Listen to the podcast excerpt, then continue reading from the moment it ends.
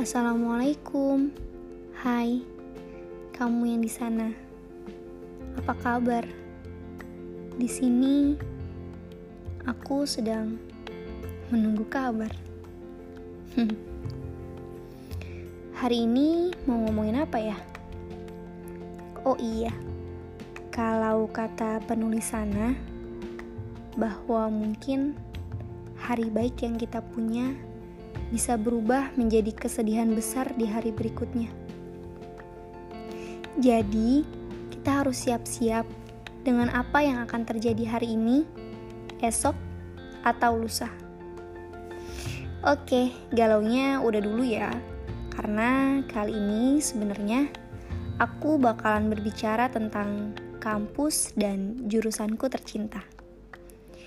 Kampusku ini bernama Universitas Islam Sultan Agung Semarang.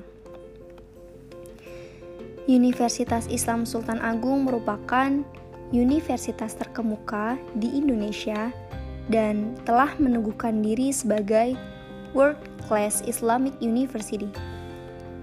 Universitas Islam Sultan Agung juga mengembangkan empat strategi pendidikan yang menjadi ciri khas dan keunggulan tersendiri di antara ribuan universitas Indonesia.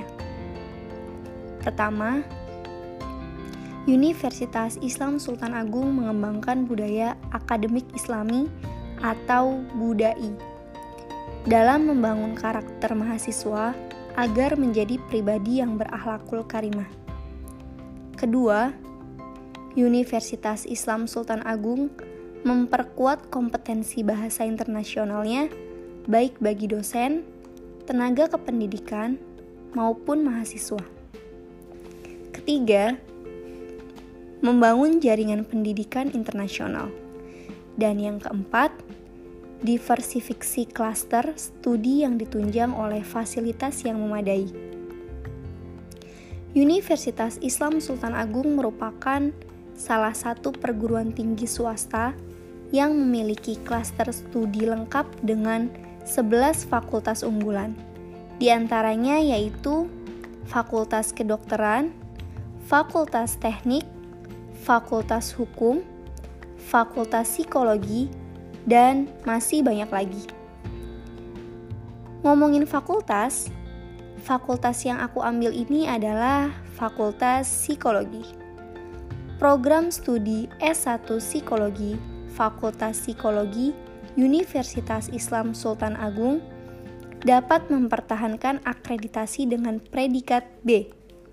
Dengan peringkat akreditasi tersebut membuktikan bahwa proses belajar mengajar dan fasilitas yang ada di program studi Fakultas Psikologi Universitas Islam Sultan Agung telah teruji kualitasnya dan layak menjadi tempat untuk menimba ilmu.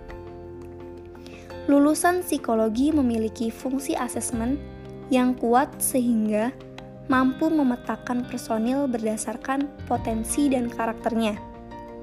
Nantinya, kamu kamu juga dapat bergabung dengan consulting firm atau mendirikan perusahaan jasa konsultan psikologi.